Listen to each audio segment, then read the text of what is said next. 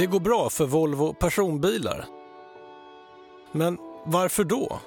Vi hade inte klart för oss att det skulle vara musikvideos på den tiden som skulle få det hela att vända. Eh, utan det var en chansning som föll väl in första gången och andra gången och tredje och fjärde under hela den här resan.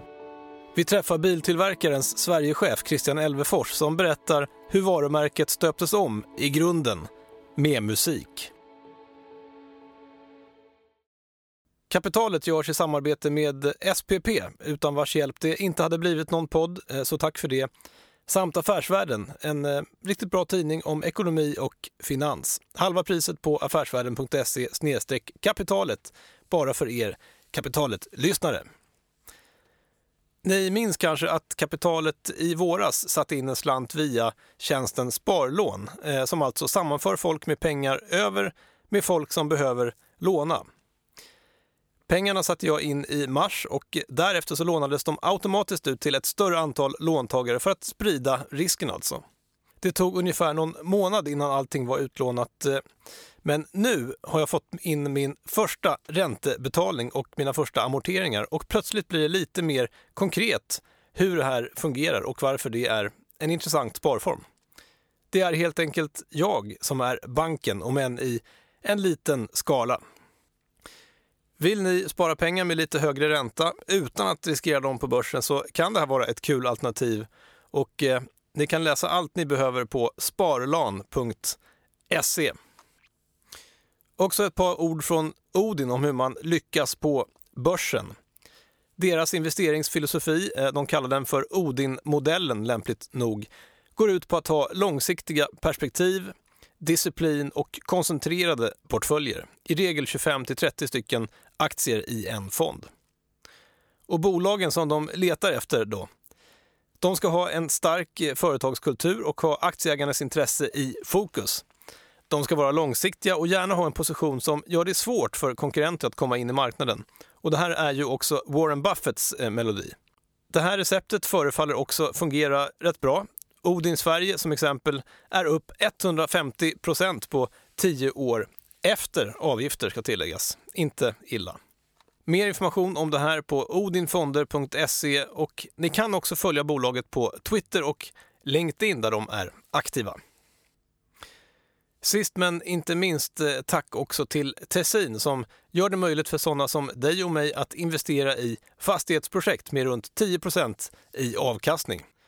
Jag frågade bolagets VD och grundare Jonas Björkman vilket som är det största projektet som de har hjälpt till att finansiera. Eh, hittills har vi finansierat, eh, det största är på 24 miljoner. Eh, och egentligen så beror begränsningen hos oss på antalet investerare. Vi har en maxgräns på 200 investerare per, per case. Eh, vilket gör att snittinvesteringen måste vara väldigt hög om vi ska gå, gå högre än så. Det som har hänt nu är att vi får väldigt mycket förfrågningar i storleksordningen 30 till 50 miljoner eh, för att kunna komma åt och bli intressanta för större bolag. Och det innebär också att då måste snittinvesteringen bli betydligt högre. Eh, så vi tittar på nu på att, att eh, bygga en modell där man har ankarinvesterare med från början och innan man släpper ut det på plattformen. Så finns det någon som är intresserad av, av den typen av, med, med kanske lite andra villkor för, för de som går in tidigt och säkrar upp projektet, får gärna höra av sig till mig. Tessin alltså och ni hittar dem och alla aktuella fastighetsprojekt på www.tessin.se.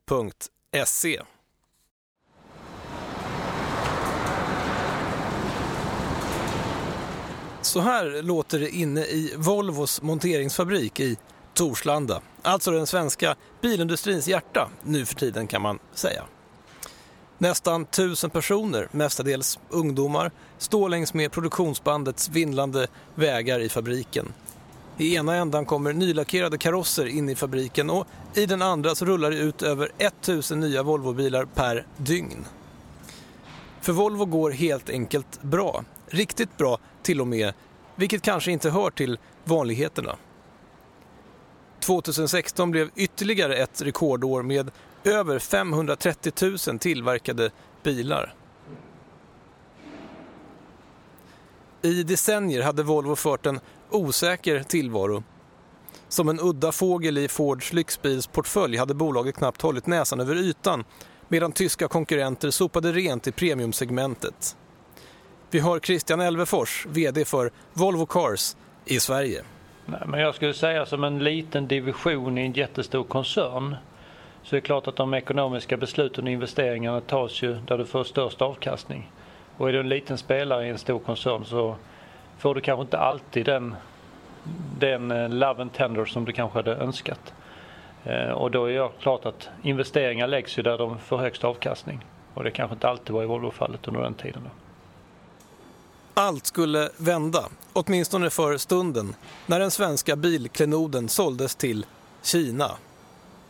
Jag skulle nog säga att eh, den punkten kom direkt efter att Geely hade förvärvat oss. Och det fanns en eh, oro ju givetvis i och med att hela klustret var utsatt för Chapter 11 på GM och eh, Saab hade ju sina stora problem och vi hade också utmaningar med Ford som faktiskt överlevde hela det och behövde inte gå till Chapter 11 men där man då sålde av sina verksamheter och klart att det var en oro när, eh, innan förvärvet men efter förvärvet och efter att planen lades ut så har vi ju levt upp till alla de sakerna vi har sagt hela resan och det är fantastiskt tycker jag.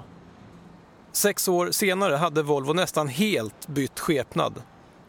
Så vad var det egentligen som hände?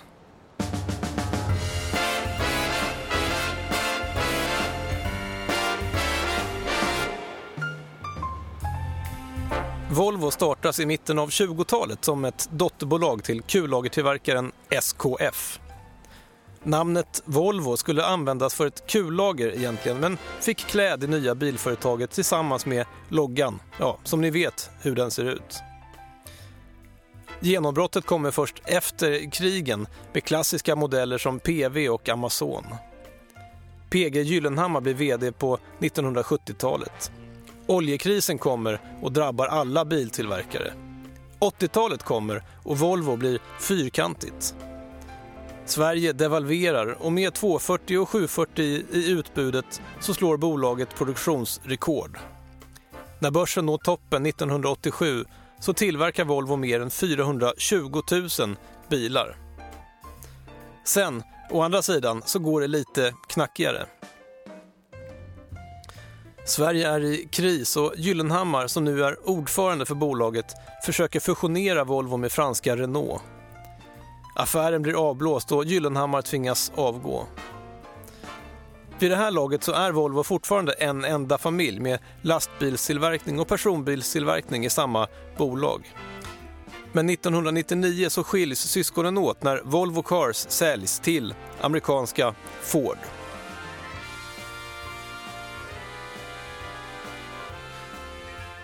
Stadsjeepen XC90 lanseras och under 2000-talets högkonjunktur så slår Volvo ett nytt produktionsrekord med knappt 460 000 sålda bilar 2007. Men verksamheten dras med stora förluster. Målet är att nå 600 000 bilar, men finanskrisen kommer och försäljningen imploderar. Plötsligt är hela bilindustrin i kris och i ett försök att överleva så börjar Ford sälja ut sina dotterbolag. Land Rover och Jaguar säljs till Indien och snart är Volvo, som nu närmar sig en finansiell kris, till salu.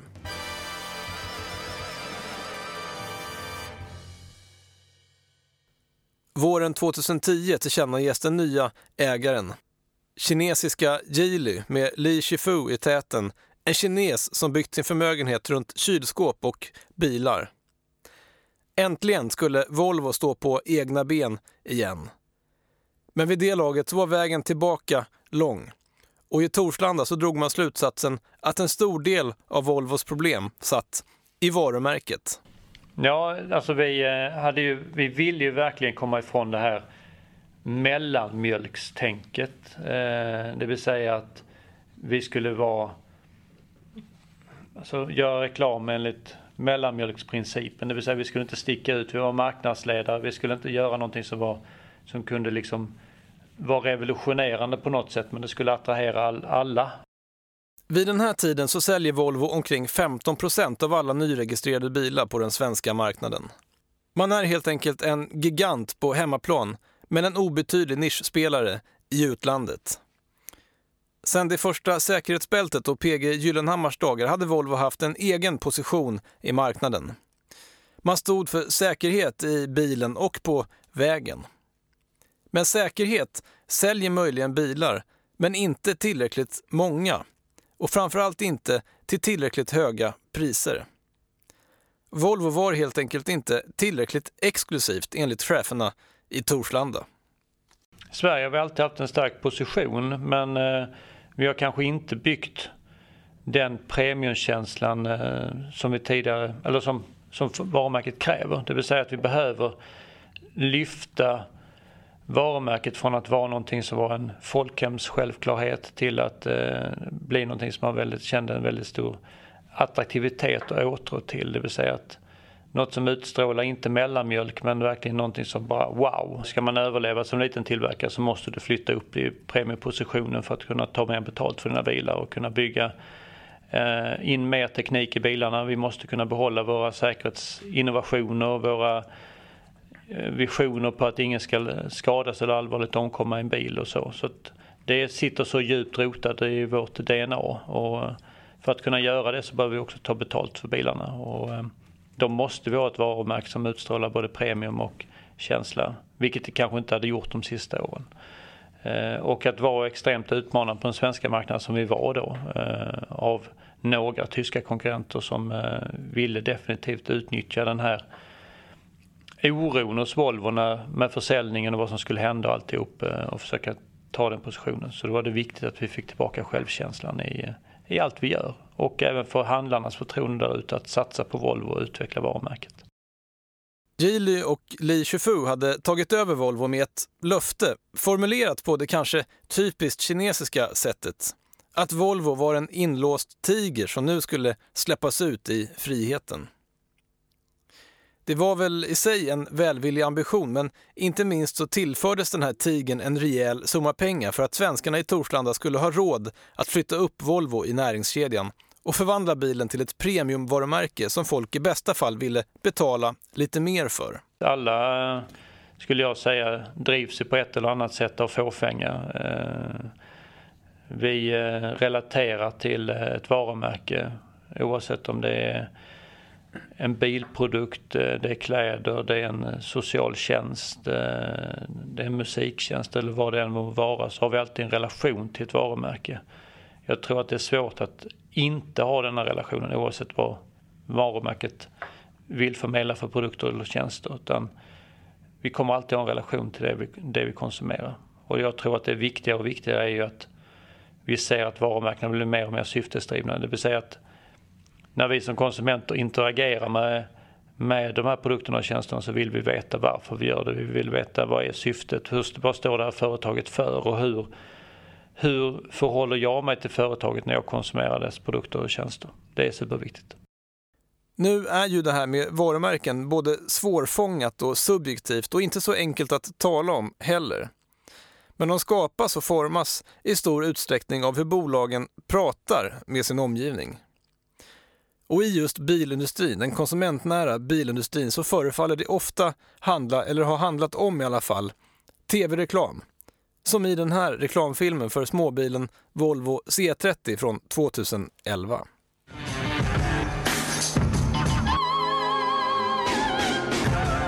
Det finns mer i livet än bilar.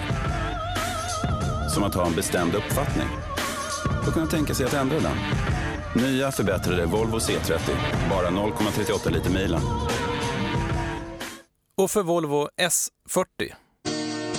As much time as you spend in here The really good stuff happens out here. And here. Not here, but here. So we make sure you're safe in here with safety features here, here, here and here. So you can... Går man tillbaka och tittar på Volvos reklamfilmer så får man intryck av att bolaget genom åren testade det mesta. Könsstereotyper, biljakter, småknasiga draman, humor och ren buskis. Det här åtminstone i en personlig uttolkning för att det är väl en individuell fråga hur man upplever de här filmerna. Men sen, av en slump, så testade man någonting helt annat, nämligen vemod. När Volvo lanserade V40 och V40 Cross Country 2013 så var det svensk vildmark som gällde och landsbygd. Illustrerad med Mando Diaos tonsättning av Frödings dikt Strövtåg i hembygden. Ja, vi ville ju när vi lanserade V40 och V40 Cross Country så ville vi kunna koppla det här till, en, eh, till någonting som pratar om det svenska. Vi var väldigt mycket på att vi behöver bli mer svenska när vi var så ifrågasatta. Vi behövde bli mer eh, vara stolta över det arvet vi har. Vara stolta över alla de här ingenjörerna som vi har anställda i det här bolaget som bygger de här fina bilarna och vara stolta över att vi eh, på sättet vi testar att ta fram bilarna som är väldigt unikt. Vi jobbar ju jättemycket med säkerhetsfrågorna som ingen annan gör. Vi jobbar jättemycket med att de ska vara anpassade för att klara de här kalla, eh, jobbiga miljöerna vi har på vinterhalvåret. Och vi kände att vi behövde ta tillbaka det. Från den punkten i historien så började Volvos reklamfilmer att ändra karaktär. Nu var det lite mer motljus, dimmiga berg, fuktiga skogar, höst, mörker och sentimentalitet och alltid med lite mer suggestiv musik i bakgrunden. Bland de första filmerna var reklamen för Volvo XC60 med Swedish House Mafia.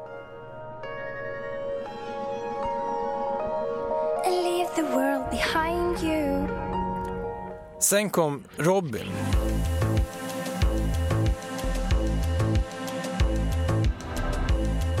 och Vintersaga med Amanda Bergman.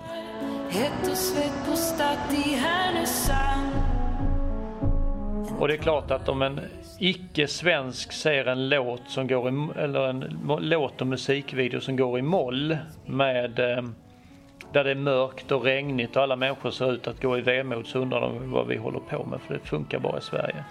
Det är bara vi svenskar, kanske finnarna också, som känner igen sig att eh, vi går, vi går och slokar där i november och tycker att eh, här lever vi i mörkret och vi vill bara flytta till sydligare breddgrader. Men det slog också rakt in i hjärtat på svensken att man kände igen sig och att eh, vi lyckades att driva fortfarande driva det lokala så starkt och att eh, driva det svenska. Och så Avicii och förstås... Du gamla du fria.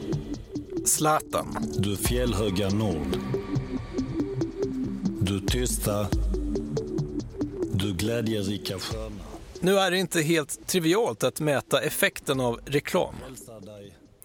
Under de år som Volvo har basunerat ut sina Made by Sweden-kampanjer har räntan i Sverige och världen varit lägre än någonsin. Och låg ränta, det ger billiga tjänstebilar och billig privatleasing vilket i sin tur driver nybilsförsäljningen och inte minst för ett företag som Volvo. Å andra sidan så kunde Volvo peka på ett oomstritt faktum. Att biltillverkarens marknadsandel i Sverige ökade från omkring 15 till 20 procent. Och enligt Christian Elvefors så är det tydligt att varumärkesarbetet bar frukt. Ja, skulle vi titta på försäljningssiffrorna och eh, när man kombinerar försäljning och eh, kampanjer och eh, kommunikation så ser man ju det direkt i resultaten hur både försäljning men även lojalitet och även engagemanget över varumärket ökar så att alla kanalerna ökar hela vägen. Så fantastiskt att se hur snabbt det går. Volvo sålde 428 000 bilar 2013, 465 000 bilar 2014 503 000 bilar 2015 och alltså 534 000 bilar 2016. I höst ökar man produktionstakten i Torslandafabriken ytterligare och om allt går vägen så sätts ett nytt försäljningsrekord 2017. Dessutom, menar Christian Elvefors, så finns ytterligare ett kvitto på att Volvo som varumärke idag kvalar in bland de mer exklusiva och inte sällan tyska konkurrenterna. Priserna. Man kan säga att vi har gått från att ha bilar i stort sett i samma prissegment till att vi idag kan ha en Volvo som kostar 225 000 upp till 1,3 miljoner. Går man tillbaka fem år så kostade alla Volvobilar någonstans mellan 250 och 350 000. Så det är ju en, det kan man säga är en stor effekt av varumärkesresan att vi eh, blir mycket mer lika våra konkurrenter i hur vi tar betalt för bilarna och hur vi vågar att lansera bilar på svensk marknad som har en helt annan prisposition och vi har väldigt stolta och nöjda kunder som köper de här bilarna. På hyllor och eh, på kontorsväggarna på det svenska marknadsbolaget invid Torslandafabriken finns idag en del minnen från Volvos stora vändning. Guldskivor för musiken, guldägg för reklamen och en svensk matchtröja signerad Made by Zlatan. på jord. Din sol, din himmel, dina ängder gröna.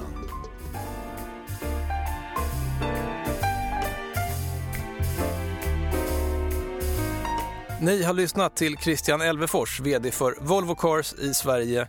Jag heter Jakob Bursell och programmet det heter Kapitalet.